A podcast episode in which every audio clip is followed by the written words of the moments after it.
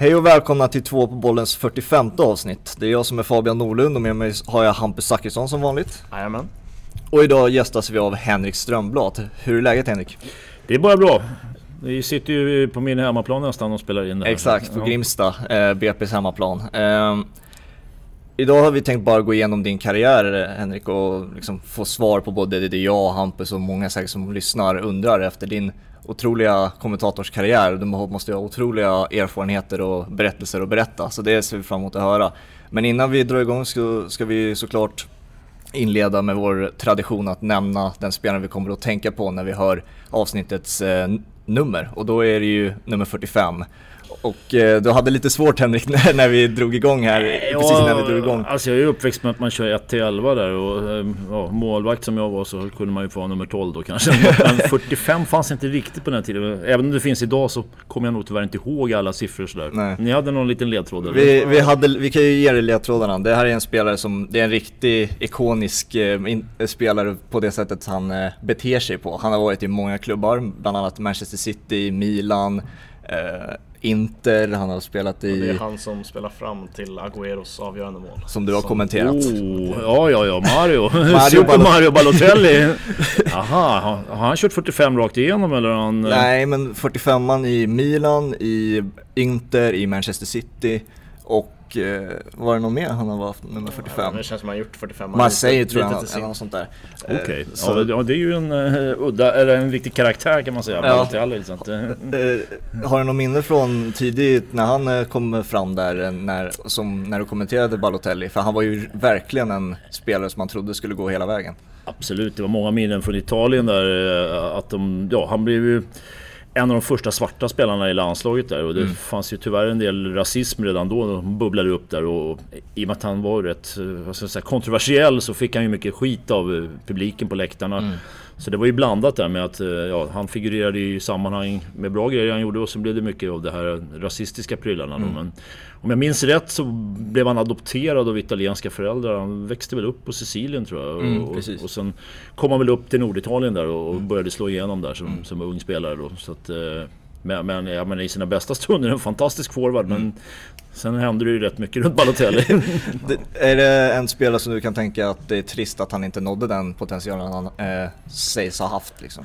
Absolut, det kan man ju se. Det, det finns ju många spelare som har, har liksom haft potentialen. Ta en nordisk likadan som Balotelli, lite Niklas Bentner till exempel. Mm. Fantastisk potential men äh, rätt så äh, skruvad i skallen många gånger. men jag tror ju som, som många brukar säga att visst, det, det, är tufft att lyckas men kommer man upp till den nivån där Balotelli och Bentner ändå var och misslyckas på grund av att man inte man missköter sig, då, då har man ju sjabblat själv. Det, det, jag har en fin Balotelli-historia förresten. Om ja, ta den, ta för den. Jo, men det, han, det var, jag tror det var när han spelade i City där och så blev han stoppad av polisen i Manchester och så såg de att han hade 10 000 pund som låg i, i baksätet, sedlar utspridda där och, och, polisen frågade varför har du så där mycket pengar i bilen? Because I'm rich. ja, han, ja. riktig karaktär. Det finns tid för Balotelli!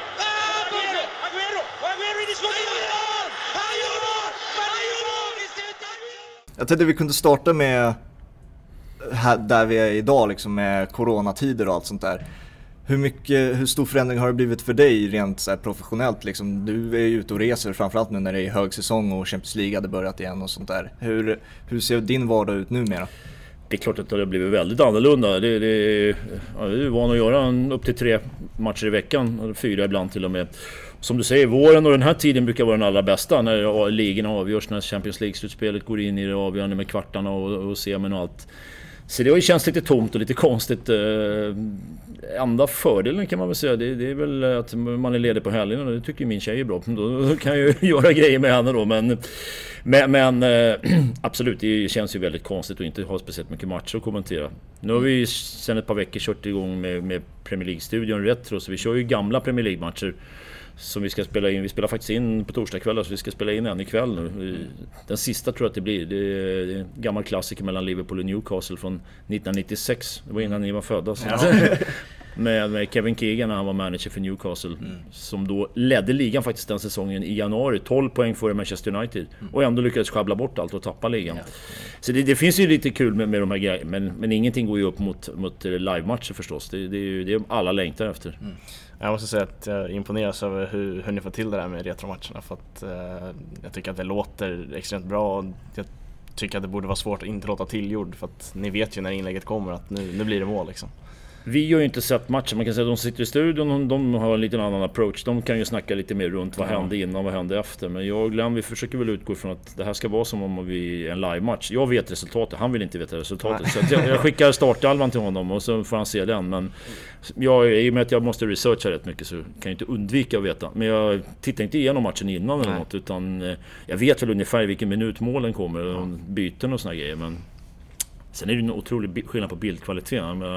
Ni är uppväxta med, med HD säkert med TV och ja, då eh, den, den, bilden som var på 90-talet, det var för det första var det inte fullt format, den kallas för 4-3, det är lite mer komprimerat sådär. Och sen så är det lite grynigare, det är lite svårare att se spelarna och se siffrorna och allting. Så att, det är väl den största utmaningen när man ska luska reda på vem som är vem där. Ja. Ja, hur, liksom, hur skiljer sig förberedelserna inför en retromatch kontra en livematch? Man vet, alltså det som gör det lättare det är att du vet hur startelvan exakt. Så du vet ju spelarna exakt vilka positioner de är och sådär. Och om någon blir skadad och någon kommer in. Det, det, så att, det är klart, men sen måste man ju man tänka bakåt hela tiden och så får man tänka hur har den här spelaren gjort fram till matchen börjar. Det som händer efter kan man inte sitta och berätta. Vi gjorde någon match med Liverpool när Graham Souness var manager. Sen fick han sparken två veckor efter matchen. Men det kunde de prata om i studion, det kunde inte vi snacka om då. Så att, eh, men det är lite kul med, med de här... Ja, det är ju många bra spelare och det, det som slog oss lite när vi började med det där, det var att det var ju rakare fotboll. Nu har det blivit lite mer Guardiola-fotboll, att man står och spelar sidled och sådär. Ja. Men 90-talet framförallt, om ni kollar på matcher därifrån, då, ser ni, då körde man liksom ner i djupet. Lite som Liverpool spelar idag, mer mm. längre och rakare. Mer målchanser, det hände mer. Ja, för jag såg mycket av första matchen i sänden med Liverpool och United där. Mm. Och då var det ju verkligen slående hur fotbollen har förändrats. Sen smäller de ju på varandra på ett helt annat sätt. Ja, det får man säga. Du, skulle ju nästan döda någon för att bli utvisad på den tiden. Liksom. Det gick ju inte att bli utvisad i princip. Men, men idag, tack och lov, så åker man ju ut om du sätter, kommer med benen och dobbarna rakt upp. Ja, de visade i studion där när Limpar verkligen fick smaka på dobbar mot Leeds där. Satt och skrattade gott. Ja, ja, ja. Han, han, han berättade, eftersom jag känner Anders bra, vi växte upp ihop, berättade han att de mötte något Nottingham i en av hans första matcher och då var Stuart Pearce som var känd galning som var mittback i Nottingham. Han spräckte benskyddet på limpan där. Så han, han hade två delar av benskyddet och så sa han bara Välkommen till England. ja, det är en ordentlig tackling. Ja, ni, ni, har ju många skickliga kommentatorer på Viasat nu. Eh, Anders Bjur, Holmgren och du då. Så blir man någon gång störd av att bli petad från en stor match eller sådär? Känner man konkurrens på det sättet? Nej, men vi, vi, vi, alla vill ju göra de största matcherna, det är ju självklart. Man är ju, det är väl som en spelare att man vill spela de stora matcherna och inte sitta på bänken då. Men jag tror att jag för personligen, jag kan ju bara prata för mig. Jag, jag har ju hållit på med det här sedan 94, började på Eurosporten 96 på Viasat då. Så jag har gjort massor med, med stora matcher och fått åka på massor med kul grejer. Så att, eh, det är klart att jag fortfarande vill göra det, men jag, jag ser det inte som en katastrof om jag inte får göra en Champions League-final eller om jag, Anders eller, eller Niklas får, får göra Manchester-derbyt eller något sånt där. Utan det kommer alltid nya matcher hela tiden. Jag tänkte vi kunde diskutera lite där vi är, alltså Brommapojkarna. Eh, mm. vi sitter på Grimsta, eh, deras hemmaplan som sagt. Hur är din relation till klubben idag? Oh, den har väl alltid varit stark. Den är ju, eh, sen jag började spela här när jag var 12 år, jag började i Spånga och sen kom jag hit Fick spela med 65-laget som var ett av de bästa i Sverige. Med Limpan där som jag berättade, Anders Limpar då. Mina bästa kompisar idag, bara det kan jag säga, är ju mina fotbollskompisar från BP som jag spelade med. Det är de som jag umgås med liksom. och, och klubben har väl betytt jättemycket eftersom jag fick växa upp här. Jag fick eh, spela med ett bra lag. Jag fick jag komma ända upp till A-laget och vara med och träna. Tommy Söderberg var tränare där. Det blev några allsvenska reservlagsmatcher men inga seriematcher för A-laget då. Eh, Sen kom jag tillbaka och, jobbade som speaker. Det var det första jag började göra här. Jag satt och var speaker här borta på läktaren innan jag började jobba med Radio Stockholm då. Sen har jag jobbat åt klubben. Jag var anställd i början på 90-talet och jobbade med marknadsföring och sponsring och reklam. Och, och, och sen tränade min son här i 99 Plus att jag jobbar, hjälper klubben fortfarande med en hel del. Så att BP är en stor del av mitt liv kan man säga. Mm. Hur ser du på BP's framtid sett i A-laget då såklart? Eh, de ligger nu i division 1 liksom. Där ska de inte höra hemma. Det har vi diskuterat innan vi startade den här podden. Eh. Ja, nej, det har ju varit för mycket jojo kan man säga. Det är ju liksom en eh, mindre katastrof att spela i, i olika serier sex år i rad. Som, men det har varit mycket alltså det har varit misskötsel av, av herrtruppen och det har varit mycket otydliga grejer. BP ska ju stå för att du släpper fram unga killar tidigt som ska få chansen och så kommer de upp i A-laget och sen säljs de vidare då. Det ser vi många exempel på. Bara titta på landslaget hur många BP-killar som vi har just nu där. Mm. Guidetti, Albin Ekdal, ja. Ludde Augustinsson. För att bara ta några där. Dejan som Och Dejan nu fram, framförallt. Och man kan väl säga att Dejan räddar ju BP's framtid lite med den här transfern från Atalanta till Juve. Med 35 miljoner nu om de gör rätt för sig. Ja. Som är fantastiska pengar för, för en klubb som BP då. Mm. Som inte har någon publik. Du har inga... Ja, men det är ju inte då intäkterna som AIK, Bayern och Djurgården har. Nej. Läste att uh, du är ett Leeds-fan också. Hur kommer det sig? ja, men det var när jag växte upp och började kolla på Tipsextra där, engelska fotbollen, på 70-talet då. Då var ju Leeds ett bra lag, så jag tyckte det var lite cool med vita dräkter där. Mm. Och Leeds var ju ett topplag, de var ju, spelade till och med Europacupfinal där i ja. början av 70-talet då. Så jag fastnade lite för dem på lördagarna. Då fanns det en enda match att titta på i veckan. Från november, slutet av november till början av mars. Och sen la man ner. Det var ingen live-fotboll alls eller någonting när serien avgjordes. Men, så, så då fick man skaffa sitt favoritgäng. Och jag har ju suttit faktiskt och kommenterat dem på Ellen Road i semifinal mot Valencia i Champions League 2001. Mm. Då, var, då var ju Leeds verkligen på toppen. Yeah. Och sen började det gå illa. Och ekonomin föll ihop och så rasade de ju ner i Championship och ner i League One. Nu får vi se. Jag, jag, man ska inte vara partisk, det försöker jag aldrig vara när, eller, vara när jag kommenterar. Men jag skulle gärna se att de kom upp i Premier League igen. Att, att, eh, vi får se vad som händer med ligorna. Men, men Leeds är en jätteklubb i England och har massor med fans, massor med fans i, i Skandinavien. Kanske inte i er generation riktigt, men, men många äldre supportrar som, som växte upp med Leeds. Mm. Så att, eh, det skulle nog vara kul att se dem i Premier League igen. Ja, min farsa och storebror är Leedsare så Ja, ja, då vet, du, då, då vet du vad Leeds betyder i familjen. Jag har varit på Ellen Road en gång faktiskt. Oh. Um, hur, hur ser det supporterskapet ut idag? Följer du Leeds nära så eller? Ja, jag tjatade mig faktiskt till förra året att få kommentera en Leeds-match. Vi, vi kör ju Championship också där. Och då hade vi ingen bra lördagsmatch. Det var en, en tidig lördagsmatch tror jag. Vi hade ingen Premier League-match då. Då sa jag till våra redaktörer och producenter att nu är det Leeds Sheffield United här. Det är ju seriefinalen. Mm. Kan vi inte köra studio på den? Jag kan ta hand om matchen nu. Mm. Det var ju Pontus Jansson som lirade då i Leeds bland ja, annat. Så att, eh, jag följer dem ju. Jag, försöker kolla resultaten. Jag hinner inte se så mycket matcher. Det är klart att Bielsa, ja, han är ju en karaktär han ja. som tränar dem. Men, eh, men det vore ju jättekul om de kom upp igen. Det, det, det, det finns några sådana slumrande jättar i Championship där. Nottingham Forest är en, en annan sån där. Mm. Så att, eh, och så vet jag att min kollega Holmgren som älskar Ipswich då, han vill, ja. men då måste de upp från League One först. Exakt. uh, tänkte vi kunde diskutera din spelarkarriär. Mm. Uh, hur ser, det, hur ser du, du var ju målvakt. Ja. Hur uh, ser du själv, hur var Henrik Strömblad fotbollsspelare? Ja, jag hade väl en del talang, men jag, jag vet ju att när jag kom upp och fick träna med A-lagen när jag var 16-17 så sa Tommy Söderberg till mig Du måste lägga på lite muskler, du ser ut som en metmask. det fanns inga bra gym på den tiden. Det var ett gym uppe i Vällingbyhallen när jag gick i gymnasiet mitt emot där i Sankt Jacobi. Så att han sa, jag snackar med vaktmästaren, du får gå och träna där. Och där var ju bara dörrvakter som låg med och körde bänkpress. Man kände sig underlägsen redan då när man kom in. Så att, jag, styrketräning på den tiden var inte lika seriöst uppbyggd. Det var mycket kondition, det var mycket löpa och springa här i Grimstaskogen och runt fältet och allt sånt där. Och målvaktsträning, som är väldigt speciell, det var inte heller lika bra. Så jag skulle nog säga, jag ska inte skylla på något, men hade, hade jag liksom varit seriösare med min styrketräning och hade jag fått bättre målvaktsträning så kanske jag hade kommit lite längre. Sen är det ju bara en plats att konkurrera om. Ja, och det är ju tufft. Det, det, antingen står du där. Man byter ju inte målvakt i fotboll som man gör i hockey till exempel. Nej. Eller i handboll. Där, där spelar det inte så stor roll om du är tvåa där. Då får du ändå spela en hel del. Men fotbollen, där, där är den sista platsen tränaren ändrar på. Det är, de bestämmer sig oftast för en målvakt och så yeah. kör man på den. Och, mm. och, om det inte händer något, om de blir skadade eller om de gör bort sig helt så, så får ju reservmålvakten, han får ju sitta där på bänken. Mm. Vad är din största merit skulle du anse som fotbollsspelare? Min största merit? Ja, det är en bra fråga. Eh, ja, men det är väl att jag gjorde ett par matcher i Allsvenska reservlagsserien med BP och fick spela mot Norrköping bland annat när de hade ett par landslagsspelare med Janne Svensson och, några. Det var ju kul, vi fick stryk med 6-1 i och för sig.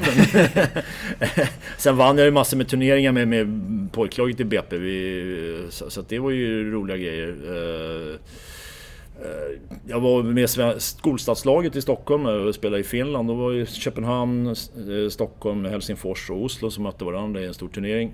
Vi, vi hade rätt bra lag, det var mest BP-killar. Mötte vi Köpenhamn i finalen. Fick stryk med 4-0. Ingen av oss fattade hur kunde vi bli så utspelade. De hade en mittfältare som han gjorde allt med bollen. Han sprang åtta runt oss. Sen fick vi veta några år senare att det var Mikael Laudrup som vi hade mött där. Så, det, så det, det, var ju rätt kul. Då visste vi inte det. Men, eh, men att få, få spela mot en så bra... Han är ju fortfarande en av Skandinaviens allra bästa genom tiderna.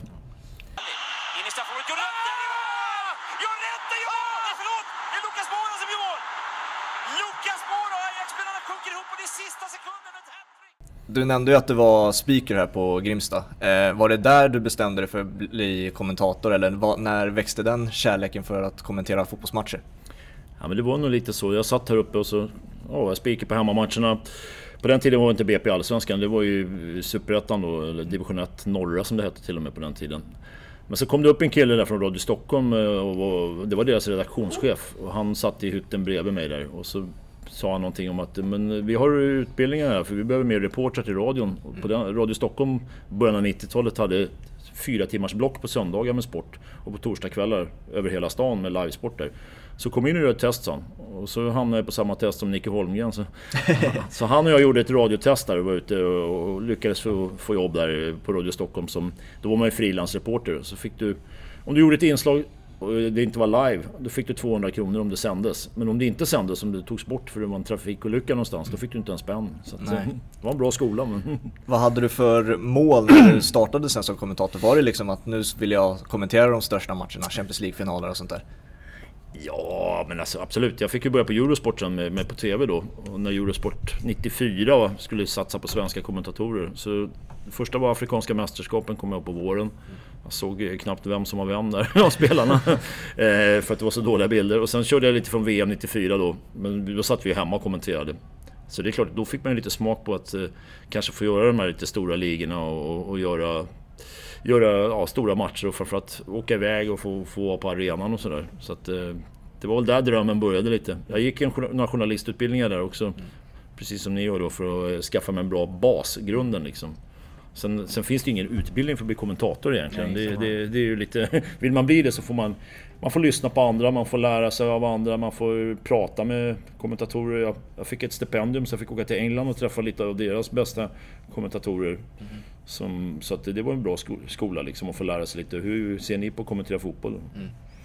Om jag inte helt har fel så har du över 2000 matcher i, i bagaget. Har du någon personlig favorit eller någon topp tre sådär? Ja, det är många. Men eh, jag brukar alltid säga det och det, det, kan jag ju inte säga annat än att min första Champions League-final som jag fick kommentera med Glenn Hysén på den tiden, 2005, det var Liverpool mot Milan. Den har ni sett kanske, även om ni bara var unga då, men, men det är en klassiker. Det, det, Milan leder 3-0 i paus och Liverpool-spelarna går ut och hänger med huvudet. Hussein vill åka hem till hotellet, han, han tycker att han ska lägga ner där. och du får fortsätta själv. Ja men sa jag till honom. Jag sa, sa det i sändningen när vi gick till studion eh, i pausen. Att, men det kan hända, allt kan hända i fotboll ibland. Och muttrade han. och sen så kommer Liverpool ut och hämtar upp till 3-3 och så blir det förlängning och straffar och allt. Så att, mm. Få börja med en sån Champions League-final, den första, det är ju svårslaget. Mm. Ja, Sen har vi förstås den här med City mot eh, QPR när City vinner ligan då. När, mm. när Agüero trycker in den i slutsekunderna. Den, den är ju inte så tokig heller. Nej. Alltså det finns ju något klipp på Youtube där under bar, det är du och eh, Strömberg va, som Precis. kör tillsammans. Jo, där båda sitter och kör ett eget race egentligen. det, var, det, var, det var sån passion på stadion här kan jag säga. De har ju, inte, ja, men de har ju varit så underlägsna mot United så länge och, och United hade ju vunnit sin match, den var slut där. Och de visste att de var tvungna att vinna. Så mm. att eh, de gick därifrån och kom tillbaka och de var gamla tanter som grät. det, att få vara med på en sån, eh, alltså vara på plats när en sån upphämtning sker. Det var ju också, tror du kommenterade PSG Barca där när Barca hämtade upp också på Stämmer plats. Bra, ja. Hur är det att få uppleva, det är ju så här once in a lifetime för många. Hur är det att uppleva sådana på, på plats liksom?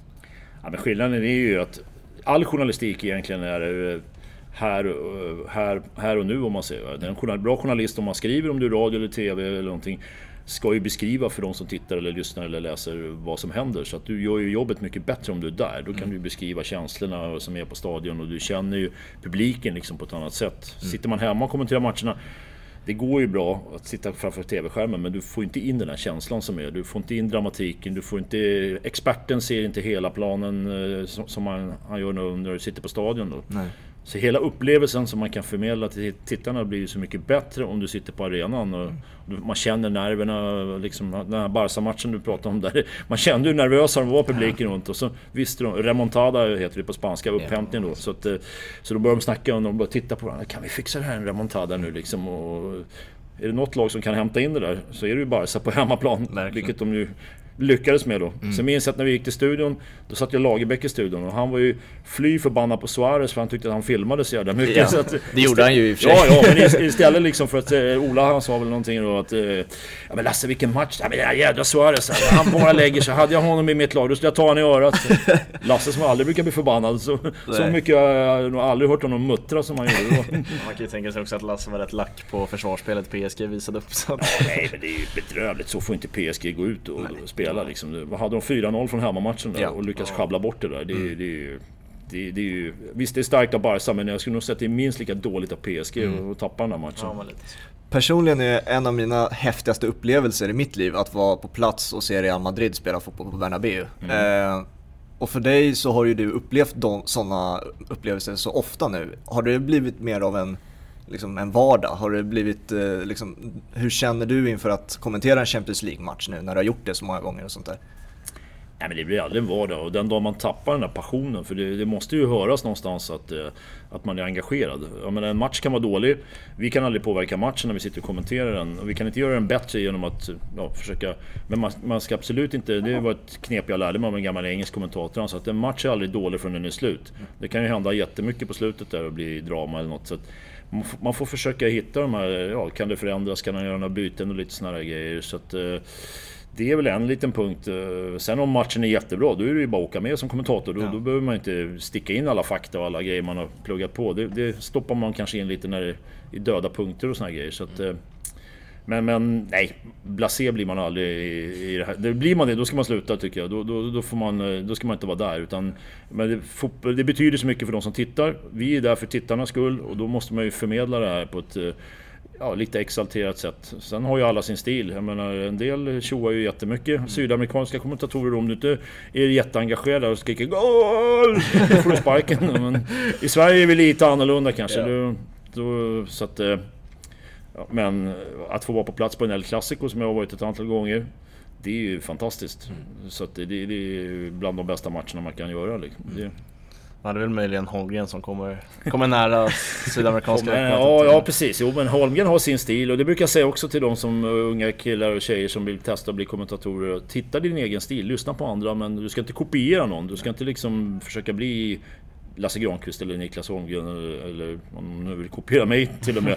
Utan man, man, ska ta det bästa och sen hitta sin egen stil. Är man eh, det måste vara ens egen personlighet. Holmgren är ju sån. Han är ju bullrig. Det var han även när vi spelade fotboll ihop. Och, så, att, så att, och det passar honom perfekt. Men eh, det kanske inte passar mig eller någon annan riktigt att vara på samma sätt.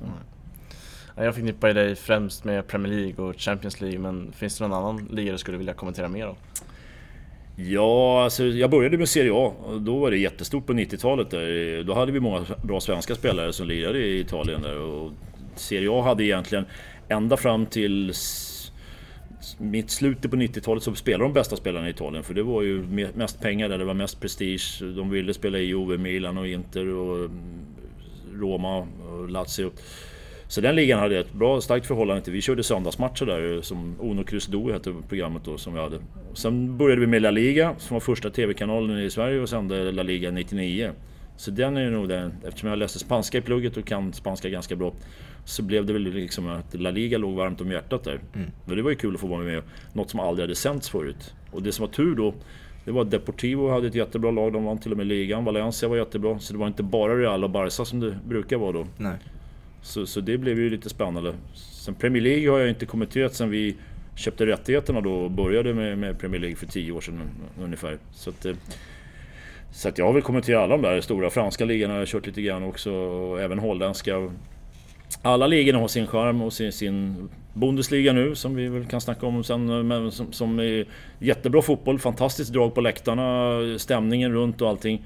Sen är problemet med tysk fotboll har väl varit att den har inte lyft riktigt utanför Tyskland. Folk Nej. vet vilka Bayern München är men sen är det inte lika populärt liksom att följa Bundesliga. Nej.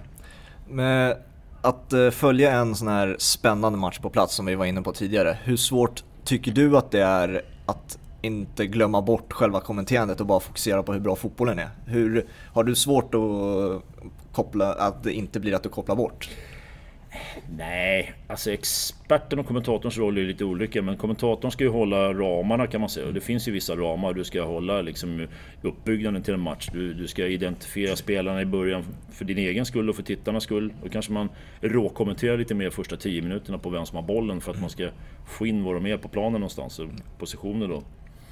Sen har du ju skador, du har eh, liksom förutsättningar, du har tabellägen och allt sånt. Så att allt det där måste ju ligga och snurra lite i bakhuvudet. Men mm. det finns ett bra nyckelord när man kommenterar som jag lärde mig av eh, gamla farbröder i gamet och de sa timing. Du kan prata hur mycket som helst men bara du pratar på rätt ställe om rätt saker liksom, så yeah. kan, det, det stör sällan liksom. Men matchen är alltid den viktigaste. Så om det händer något i straffområdet då kan man inte börja sitta och snacka om att eh, arenan byggdes om för tre år sedan eller något där. Det, det kanske inte är riktigt rätt information att komma med då i det läget. Så, så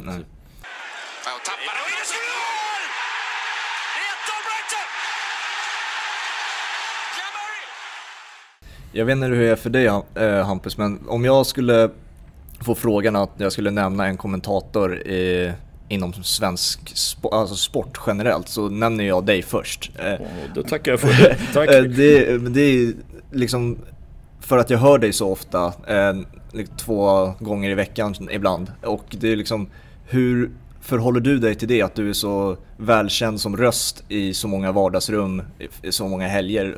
Hur hur känns det för dig liksom?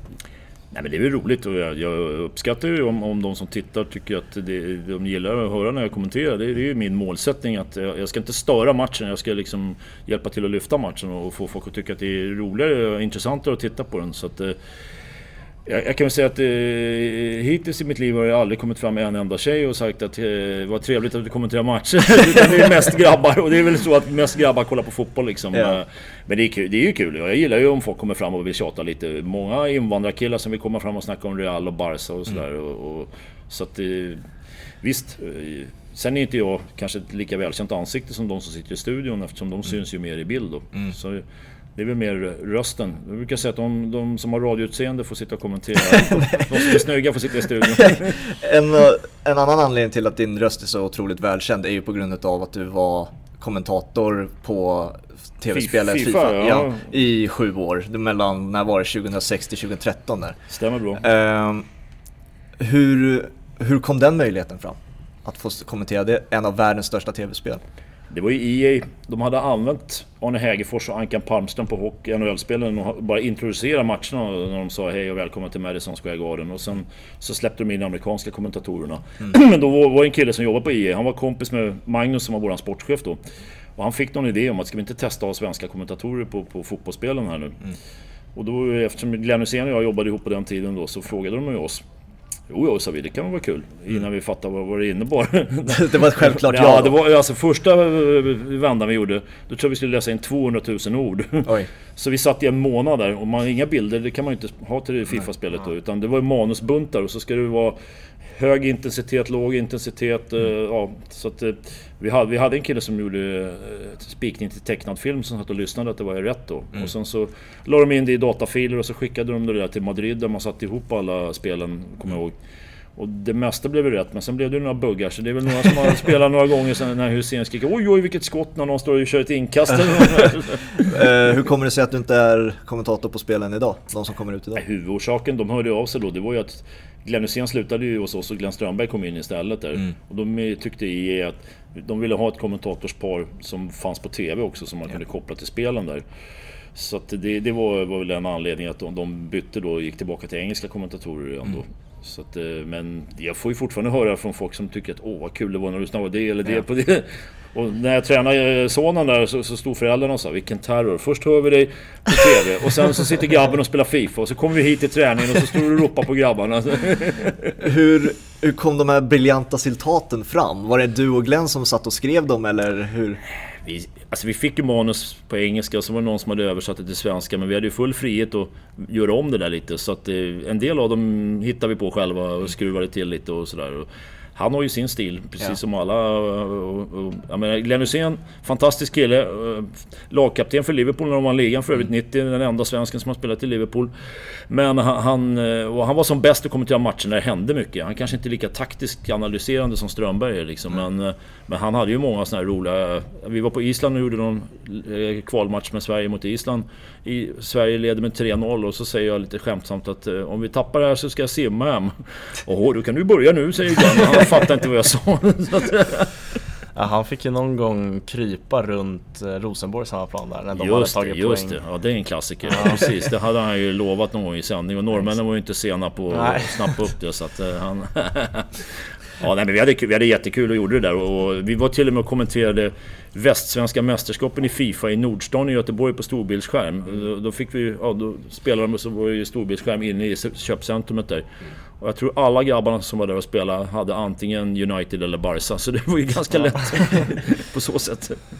Vi i vårt kompisgäng, ofta när Diego Melito kommer fram eh, på tal så säger vi ofta på det sättet ni sa det, Diego Alberto Melito, att lägga in hans mellannamn där. Ja, ja. Så att, eh, det tycker vi är kul. Så att man har ju mycket sådana där från de där spelen, eh, citat som man har med sig än idag. Faktiskt. Anders Svensson som gillar snurrfinten Just det, det. den kommer ju upp hela tiden. Jag kommer ihåg att det var så att man läste in en 5-6 lines till en spelare så skulle, så skulle ju sökmotorn variera då. Mm. Men och, sen blev det lite buggar så varje gång Anders Svensson hade bollen så var det åh, där är Anders Svensson med snurrfinten. och vi tänkte lägga lite fokus på de här expertkommentatorerna som du har jobbat med. Mm. Eh, då, vi har ju nämnt Glenn Hysén, eh, vi kan börja med honom. Hur var det att arbeta med honom? Nej men det var jättekul. Han, han var både, säga, både Glenn Strömberg och Glenn Hysén, stora kända landslagsspelare som har spelat i stora klubbar utomlands. Vunnit Uefa-cupen med Göteborg. Väldigt ödmjuka grabbar. Ingen av dem har någonsin sagt till mig att du, det där vet jag mycket bättre än dig. För jag hade en karriär som var mycket större som spelare än vad du är. Så det, det, har aldrig varit snack om. båda lätta att ha att göra med som människor, lätta att vara ute och resa med. så att, eh, det, jag menar, det är två bra kompisar helt enkelt som det har blivit så. så att, och de flesta som jag har kommenterat, jag har ju kommenterat med många andra killar också. Bojan till mm. exempel och Jonas Olsson. Och, eh, Thomas Nordahl som vi hade i studion, Don Tomaso på Uno Cruz Doe, mm. som hans pappa hade målrekordet i Milan en gång i tiden. Mm. Egentligen så, så man snackar igenom matchen lite innan men, men sen, man kan inte skriva ett manus mellan kommentatorn och experten utan det gäller att man... Mm. Ju mer man lär känna varandra ju mer liksom vet man att nu, nu jag, pratar jag och nu är du tyst. Eller mm. så fyller man i varandra eller något sånt där. Så att, jag brukar försöka köra att experten om han säger någonting bra, mm. något intressant. Då, tänker, då är jag tyst ett, ett, antal sekunder för då kan tittarna ta in det där eh, som experten har sagt på yeah. ett annat sätt. För om jag börjar prata direkt efter då kanske de här grejerna som är bra, som experterna tittar på, som man ser i matchen, då kanske det faller bort på ett annat sätt. Mm.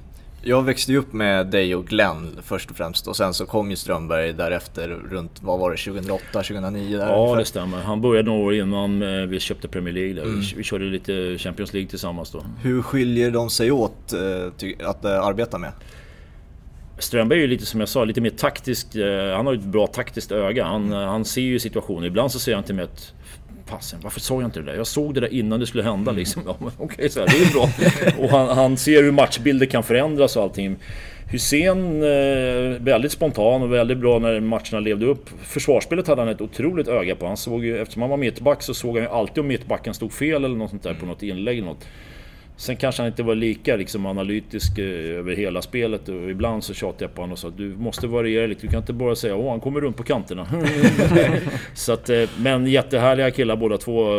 Alla har ju sina ögon om man säger för spelet. Eh, det som har blivit mer idag är ju liksom att den taktiska analysen tror jag har kommit fram mer och mer. Det, så mycket var det inte förr i början på 90-talet eller ännu längre tillbaka. Så, så tittade inte experterna, inte kommentatorn heller, på spelsystem som man gör idag och på förändringar om du skiftar yttrar eller om du ja, börjar trycka upp med backlinjen och såna grejer. Men vi vet att de som tittar idag är så mycket kunnigare också. Mm. Publiken som tittar kan så mycket fotboll och vill ju, de som är intresserade vill ju veta mer också. Mm.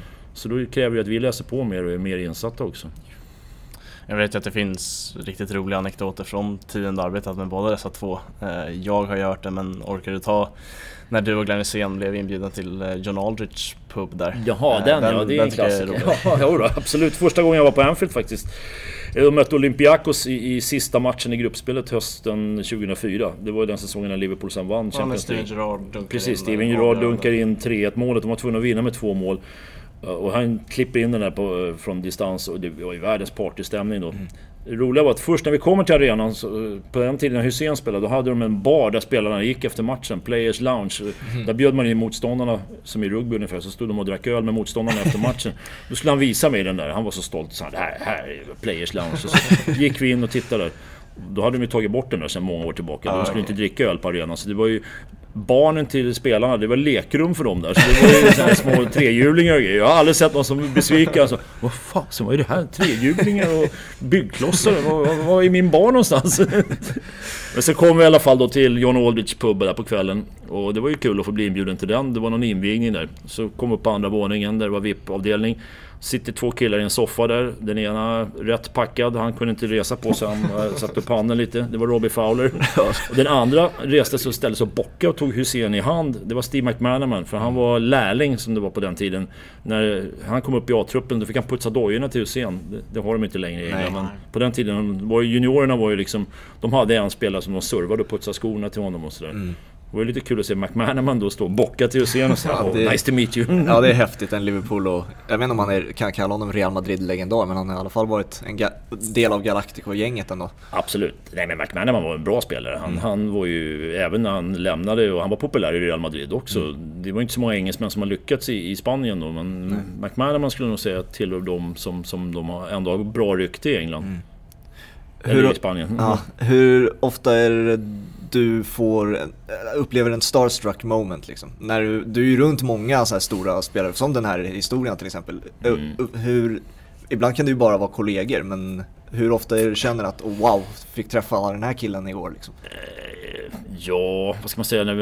Jag gör ju en del intervjuer efter matcherna och det är klart att då får man ju verkligen chansen om, om de kommer. Det är, det är den svåraste delen i hela sändningen kan jag säga, att få, få spelarna att komma till intervjuerna. Det, det är inte helt lätt men eh, för några år sedan när Real mötte Dortmund borta, då fick jag Zidane på en intervju. Han pratade ju bara spanska, så då fick jag ju ställa frågorna på spanska och översätta dem. Men det kändes ju rätt stort att få stå och intervjua Zidane. Verkligen. När vi gjorde OS i Rio, vi skulle in på Maracana, jag tror det var finalen där jag och Pontus Kåmark när vi körde den ihop. Då krockade vi med en rätt bred kille i dörren där som garvade lite och klappade oss på axeln. Det var ju Ronaldo, den gamle Ronaldo. Fenomeno. Och Fenomeno ja, precis. Och det kändes ju rätt stort. Och jag ångrade att jag inte frågade om jag fick ta en bild med honom. Det hade ju varit rätt stort. Han mm. var ju fantastisk spelare. Så att, eh, men annars, jag tycker nog att de flesta spelarna och tränarna man ser på dem som, som de, är spelare och de ska förklara. En del är jättebra att intervjua, andra står och biter sig i tungan och svarar knappt på frågorna. Mm. Så att, eh, Zlatan har väl alltid varit speciell att intervjua. Mm. Man vet aldrig vilket humör han är på när han kommer. Han kan ha gjort fyra mål och är skitsur när han kommer till intervjun.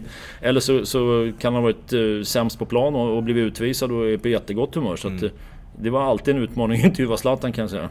Har du någon favoritintervjuperson, alltså sett till fotbollsspelare då? Om jag får säga tränare så måste jag säga Klopp, för det är så lätt, det är bara att sätta fram mikrofonen och så pratar han. Du behöver inte ställa en fråga ens, utan han babblar på där och sådär. Det är, det är väl otroligt eh, enkelt att... Eh, sen... Favoritspelare? Ja, men det finns ett, ett par stycken som, som, eh, som, som alltid liksom varit bra. Som man vet att de, de tar eh, fotbollen, eller de försöker förklara. Eh, Juan Mata till exempel. Mm. Jättebra att snacka med. Han, han försöker förklara och han försöker vara tydlig och prata mm. bra engelska. Så att, eh, han har alltid varit lätt att intervjua. Eh, Mancini var, hade jag rätt bra eh, relation till. Sådär. Han mm. pratade engelska. E-, egentligen när han kom till City så hade han en tolk. Men så sa han till tolken efter ett tag att men du, du kan gå, jag, jag klarar det här ja, själv. Okay. Så att, eh, han, han hade rätt intressanta synpunkter. Mm. Samma med Conte när han var i Chelsea. Sa jag till honom någon gång, eh, han var ju så slut efter matchen för han lever ju in. Så han stod och pustade där. Så jag klappade honom på axeln och sa att nu, nu får du be frugan att köpa en bra pizza. Ah, pizza, pizza! så, så levde han upp. Jag tänkte på det med tolk eh, med Mancini där, Marcelo Bielsa som vi nämnde tidigare. Mm. Där är en kille som aldrig kommer släppa sin tolk tror jag. Han ruggigt kämpigt med engelskan. Även fast han försöker, han, han vill ju lära sig men det var Det är ett par roliga intervjuer där, han eh, Ja, han säger egentligen ingenting och så får tolken hitta på något. Det blir ju aldrig riktigt bra intervjuer via tolk. Det blir ju liksom det blir en andrahandsversion av vad, vad, vad spelaren säger. Och framförallt om man ska översätta. Som, som, nu vill de ju till exempel från vår redaktion att när vi intervjuar danskar så, så ja, jag fattar danska och jag vet inte hur bra ni är på danska. Nej, men, jättebra. men, men de tycker då att tittarna tycker att det är jobbigt med danska. Ja. Så att då vill de att vi ska prata engelska med danskarna istället. Mm. Och norrmännen pratar vi alltid svenska med. Mm. Men, men det är klart att visst, jag kan ju förstå att en del danska är ju riktigt komplicerat att höra när de eh, bräker på där så att eh, då kanske det blir lättare på engelska i sånt fall. Mm. Ja, det är också en klassisk intervju med Kim Källström Ja den ja, det är ju Per Friman som vår expert, gammal mittfältare. När Kim inte fattar vad han säger. Ja. Friman han pratar, han pratar lite såhär... lite ljus rösten. Här var det Kim Källström. Säger Kim. Ja. ja, precis fyra gånger. Ja. uh, jag hörde en historia om uh, en som var väldigt dryg med dig när du försökte intervjua Rafael van der Wart. Uh, Ja, ja, just det, just det. Jag kommer ihåg att han... Jo, men han var riktigt eh, sådär. Jag tror att jag stack in någon liten skojig fråga om Zlatan. Då blev han ännu surare. Eftersom de två brakade ihop i Ajax och även när de mötte varandra med landslaget där, mm. van der Fight. Nej, han var inte så jävla rolig att göra med, kommer jag ihåg. Det, det, de flesta har varit okej, okay, men, eh, men just van der Fight Ferguson intervjuade någon gång, han pratade obegriplig skotska. Ja. Mm. Och när han var sur så pratade han ännu mer obegriplig skotska. så att, eh, det var ju bara liksom... Eh, ja. Och sen han var ju så här, hela hans blick när han stirrade, då var man ju nästan rädd liksom. Ja. Och tänkte, ska jag våga ställa den här frågan nu? Mm. Eller något sånt där. Sen får man inte så många frågor. Du kanske får 90 sekunder, vilket du hinner tre frågor på. Sen mm. ska ju nästa reporter in. Så att det, det blir ju aldrig några så här djupgrejer liksom. Eh, att, att, eh, man, om man vill ställa en jobbig fråga, då kan man inte börja med den. För om du, ja, det har ni säkert förstått när ni läser journalistik. Man ska värma upp sitt intervjuobjekt lite med att ställa en lite allmän fråga. Och sen så kan man ju komma in lite mer och ställa de där lite jobbigare frågorna. Men det blir sällan riktigt eh, tid till det efter matcherna. Mm. Så det, det, det, är väl en viss teknik där att hitta, hitta de bra intervjuobjekten. Har du en annan på listan som du helst inte vill intervjua utöver Rafael van der Vaart? Någon annan som har, eh, har varit väldigt dryg eller opassande på att intervjua? Så Mourinho är ju en utmaning varje gång. Det, det, jag menar, Mourinho, det fascinerande med Mourinho är att det pratas ju otroligt mycket och jag syndar ju där också. Jag säger till mina kollegor många gånger att varför pratar vi så mycket om Mourinho? Sitter folk verkligen och tittar på den här matchen för Mourinhos skull? Går man till stadion för att se Tottenham nu då för Mourinhos skull? Men lik förbaskat så hamnar vi där hela tiden. Mm. Och han är ju också sådär lite väldigt oberäknelig. Han är väldigt smart. Han använder ju media, den manager och tränare som använder media mest för sina liksom i alla fall när han stod på toppen. Nu, nu kanske det inte går lika Nej. bra men, men han tänker liksom igenom och man ser att han har studerat ut att nu ska jag prata med den eh, delen av TV för den världsdelen och så får jag ut mina åsikter där. Ja. Men det var alltid en utmaning, är en utmaning att intervjua honom därför att han är, han är intelligent och han är ju tjurig och han kan ju liksom mm snäppa av en. Eh, de flesta är ju ganska vänliga men, men om han blir förbannad på någon fråga då kan han bara kontra lite surt mot reportern där. uh, hur skulle du be beskriva dig själv som kommentator? Fotbollsintresserad så att jag, jag tror nog att... Eh, jag hoppas att det hörs att jag kan fotboll, eller mm. kan, vem kan fotboll? Det finns inget facit. men, men, men, i alla fall passionerad över fotbollen och liksom intresserad över lagen och spelarna och följer, följer väl fotbollen mycket så att... Eh, det är ju det som är en bra utmaning att... Att man, ja, tittarna, ni som tittar är ju så kunniga så då känner jag att jag, jag måste alltid försöka ligga jag kan aldrig ligga högre än en United-supporter som lägger fem timmar varje dag och följer United på alla sociala medier eller något. Men, men jag måste ju ändå veta den stora bilden som händer runt United och, och, allt snacket som är. Sen att sitta och spekulera i värvningar och sånt där, det blir ju lite svårt att göra då. Men, mm. men, men fotbollsintresserad och intresserad av historia, för jag tycker historia är viktigt. Det är hur klubbarna har funnits och hur det har sett ut bakåt i tiden och det påverkar hur det ser ut just nu också. Mm. Sen har det blivit så mycket snack idag om ägare och då har ju hela den bilden som kommer in med, med liksom, vad, vad, finns det för ägare, vilka pengar kommer in och hur, hur förändrar det klubbarna? Newcastle nu till exempel, det är ju rätt ja. mycket surr om nya saudiska ägare. Så, att, eh, så man måste följa med där, man måste följa med i ekonomin. Det, det inte, handlar inte bara om det taktiska spelet. Och så får man försöka väva in det där. Nu gör ju studion mycket av försnacket och det jobbet men sen finns det ju grejer som som de inte säger eller som jag hittar som är kopplade till matchen då. Så att, eh, ja. Sen största utmaningen ibland är de zoomar in någon på läktaren och man ska känna igen den personen. För den engelska kommentatorn, han får alltid höra producenten i örat, pass på, och så tar de in någon. Och då känner man ju gärna att man vill ju säga vem det där är, men det har jag lärt mig att vet man inte vem det är, då är det bättre att vara tyst istället för att gissa. Ja. Ja, vi snackade ju förut om Bundesliga och problemen de har haft att nå ut till en större publik. Eh, precis innan vi satte oss här och spelade in idag så sattes ju datumet och första, första spelomgången eh, när fotbollen kommer tillbaka. Då. Och det blir ju lördag 16 maj eh, och det är Dortmund Schalke på en gång. Och det är Viasat som har de rättigheterna. Blir det, blir det någon Bundesliga för dig? Det blir det nog, absolut. Och jag har ju kommenterat en hel del Bundesliga. Jag har faktiskt kommenterat när Patrik Andersson avgjorde Bundesliga en gång, 2001. När Bayern mötte Hamburg. Det var en riktig eh, rejäl fight. De fick frispark på den tiden. Det var precis när regeln hade kommit att målvakten fick inte ta upp bakåtpassningar med händerna. Och så lyckades Hamburg sjabbla till det där och Bayern får frispark mellan målområdeslinjen och straffpunkten där. Mm. Så då sa Stefan Effenberg som var lagkapten till Patrik, du skjuter hårdast. och så klappade han på den, studsade mellan benen på en Hamburgspelare och in där. Då vann de ju ligan. Mm.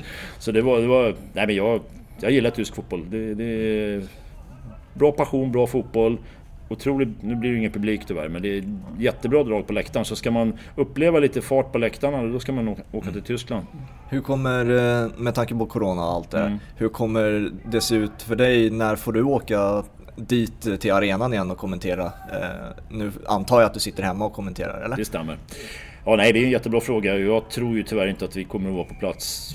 Är vi det under hösten någonting så är det bra, men det, det beror ju helt på hur, hur Alltså, låt säga så här, när de börjar släppa in publik på arenan igen, då börjar de nog kanske diskutera om vi ska åka till, till matcherna då. Men innan dess, som det nu vet jag att Utrikesdepartementet har ju sagt att innan mitten på juni ska, får man inte åka utomlands om det inte är absolut nödvändigt.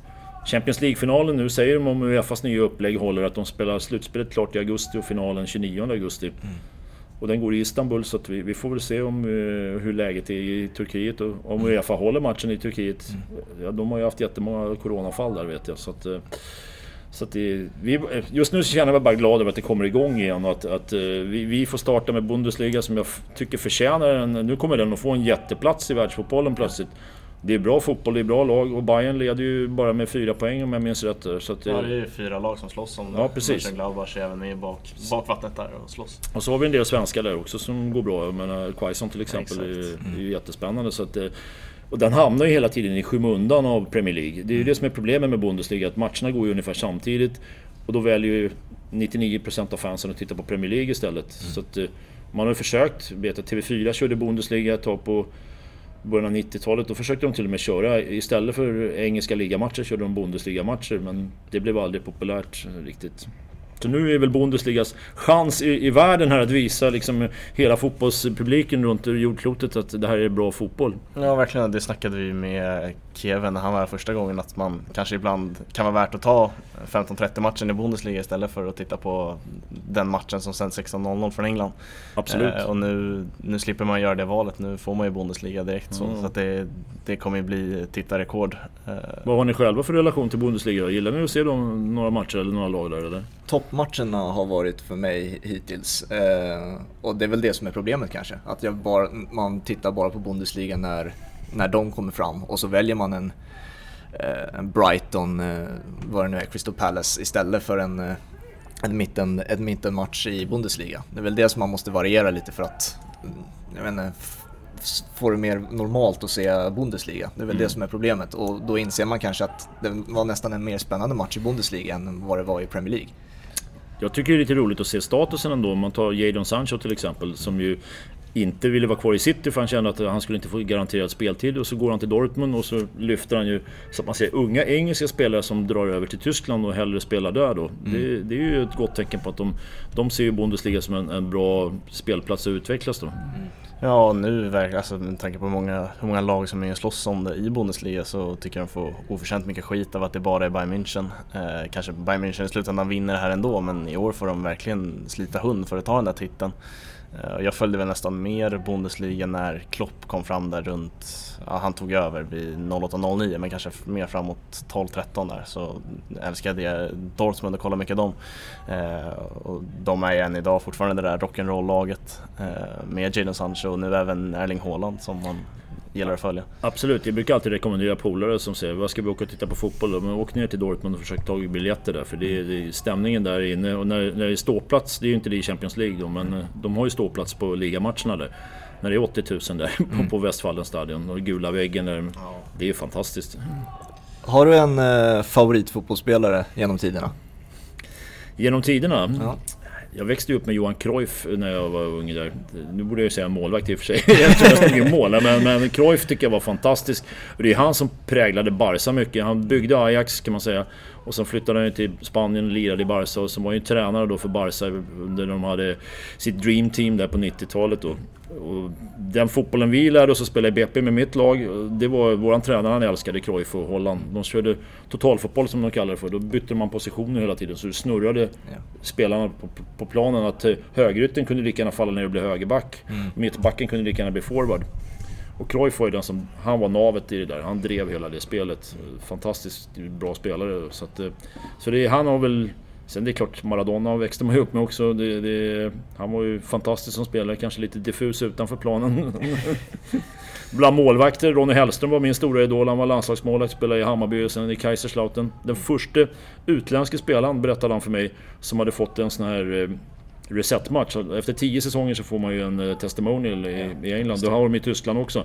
Men den gick bara till tyska spelare. Men Ronny var den första utländska spelaren som fick det i Kaiserslautern. Okay. Ja det är ju stort alltså. Mm. Det är stort. Just där med totalfotboll så tänker jag på Bielsa när man snackar. Han står ju ofta och ropar, har man ju hört av de som följt honom nära rotationes, rotationes. Så då är det just det där med att högerytten faller ner och kan bli mittback. Eh, så är det ju och egentligen det, det är det svåraste att möta. Om, om försvarsspelarna kommer, det säger ju alla som spelar försvarare själva. Jag vet inte om ni har spelat försvarare eller något men, men motståndarnas forwards har du ju koll på på ett annat sätt. Mm. Men när motståndarnas backar och framförallt mittbackar som man inte förväntar sig ska komma.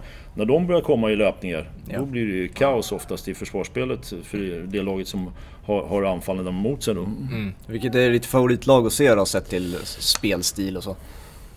Idag jag, tänker jag då såklart. Ja, utan att jag håller på Liverpool så gillar jag ju den fotbollen för det är så bra variation som Klopp spelar där. Mm. Det, det, det, är kort, det är långt, det bygger på mycket press och vinna bollen högt. Så den typen av fotboll, det händer mycket, det blir mycket målchanser. Så att, ja, helt enkelt en fotboll där, där, man liksom varierar. Den långa bollen till exempel, var ju många som tyckte att det var fult att, att slå den. Och jag vet när jag var ungdomstränare så, så snackar man här i BP om att ja, men kortpassningsspel, det är viktigt liksom. Men, den långa bollen öppnar ju upp motståndarna. Så att, eh, slår du den med precision då, då får du isär motståndarnas linjer. Mm. Jag minns när jag spelade i BP, då hade de som regel att vi under sex månaders tid, eh, under mitt i säsongen då, att vi under en träning aldrig fick eh, slå bollen över knäna förutom vid skott då. Eh, så allting skulle vara efter backen helt enkelt. Eh, för att lära oss att inte slå, knacka långt helt enkelt. Det är fel tycker jag. Men jag vet ju varför man, man anammade det här systemet i, i BP framförallt. Det är ju på grund av att uh, träningsytorna blir så minimerade. Så när, när du kommer upp och spelar 11 manna då i pojklaget. halvplan var ju fest om man fick träna på. Det var ju mm. ofta typ en fjärdedel eller något sånt där. Och då tvingas du spela korta, korta spelet. Så att, problemet för många, junior, eller många juniorspelare i BP det är att de inte är vana vid det längre spelet. Då. Men det behövs. Jag menar fotboll idag, titta på hur vältränade topp... Nu pratar vi om toppspelarna, hur mycket de orkar springa. Just att du, du kan gå ner i puls, i vila snabbt och så går du upp igen efter en rush. Så att det, det bygger otroligt mycket på att du, du har en bra kondition, att du kan återhämta dig snabbt och så ska du göra dina maxlöpningar och så ska du tillbaka. Mm. Håland är ett jättebra exempel på, på en sån spelare. Ja. Se hur mycket han springer till exempel. Jag tänker också på det här med supporterskap och kommentering. Att jag kan tänka mig att du har fått en del liksom där folk tycker att du är en United-supporter när de är bra. Och kanske nu för tiden Liverpool när de går bra. Mm. Eh, alltså, är det så att det, det, blir lätt att folk tror att man kanske hejar på det laget eller man kommenterar för det laget? Liksom. Man säger så här, man hör det man vill höra. Men det är klart att om du sitter och du är United-fan och, och möter Liverpool och så gör Liverpool ett otroligt snyggt mål. Visst, jag försöker alltid att jubla lika mycket, men det är svårt att mäta exakt. Ja. Men, men, men, men, då sitter den där United-fanen kanske och tänker så här, vad fasen, han jublar ju mer när, när, när mitt lag gör mål liksom. Och, och det har väl hänt att det har kommit någon meddelande från någon och så brukar jag alltid svara, nej jag håller på Leeds. Så då brukar vara lugna. Men, men, eh, grunden är väl att du ska vara neutral. Enda gången man får vara lite partisk i landslaget tycker jag, då, då har man rätten att lägga lite mer liksom på Sverige. Mm. Men i övrigt så ska det ju vara 50-50. Sen är det ju svårt att balansera exakt. Om eh, ett lag gör en otroligt snygg kombination och det blir mål, då kanske man skriker lite mer än, än om någon skjuter någon i baken och in eller något ja. där. Så att, eh.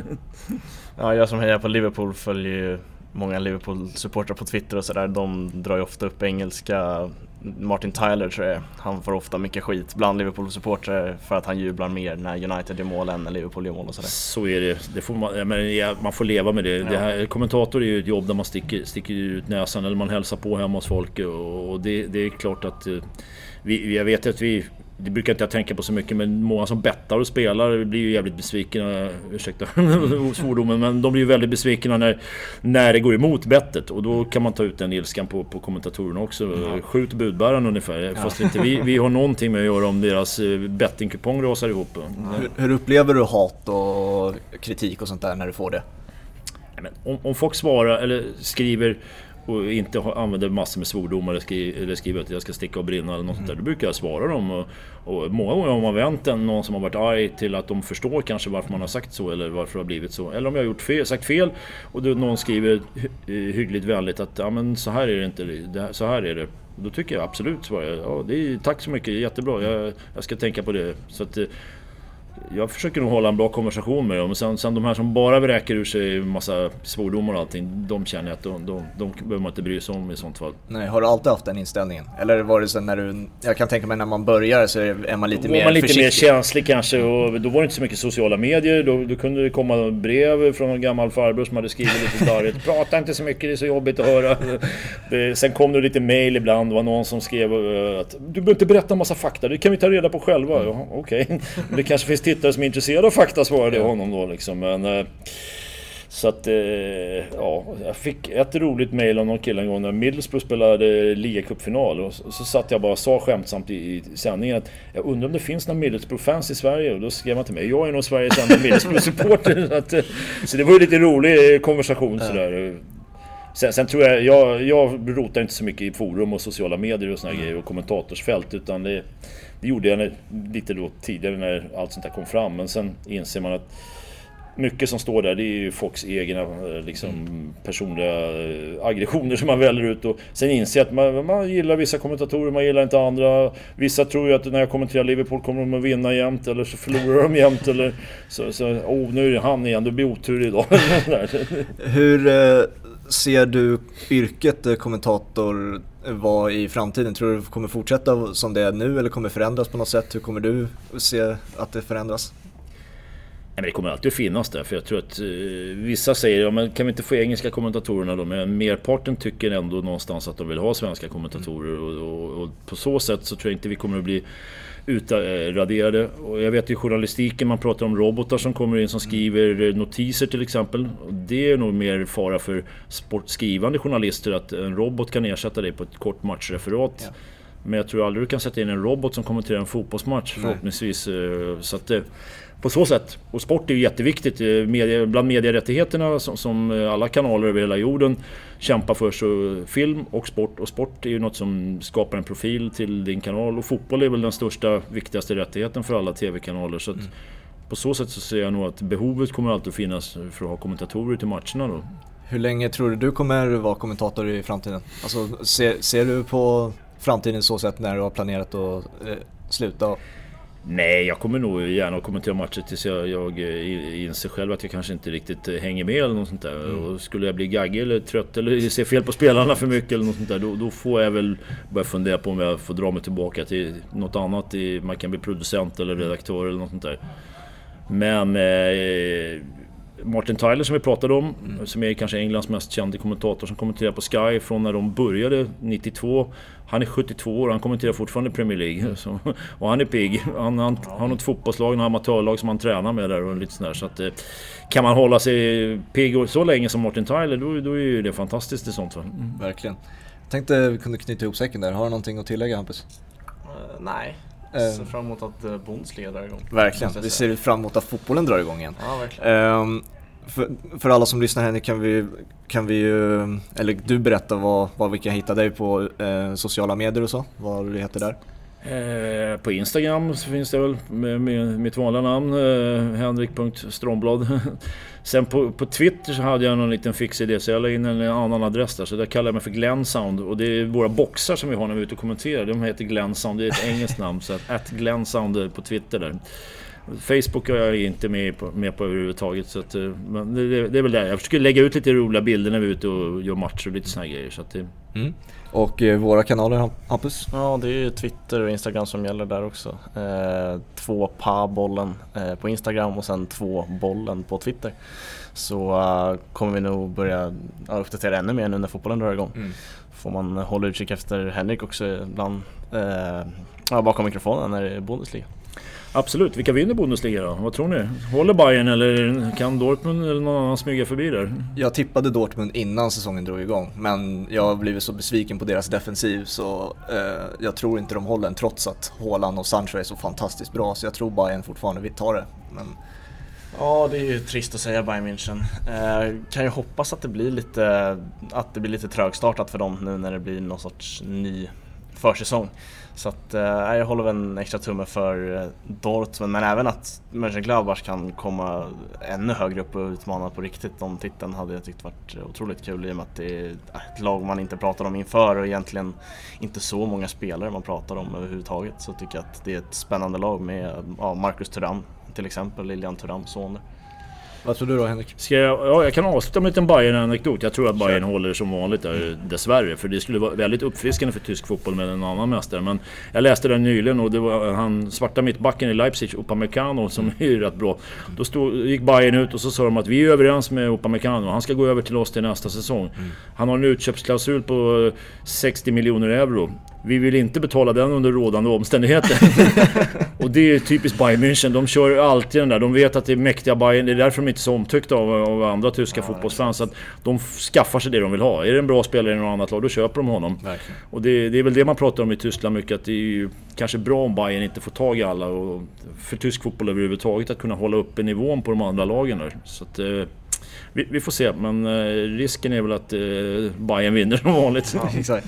Vi får se. Stort tack att du vill vara med Henrik. Du får hemskt gärna gästa igen. Stort tack själva, lycka till med podden. Tack, tack så mycket. Ha det så bra alla ni som lyssnade så hörs vi snart igen. Ja det gör vi, ha det. Tja!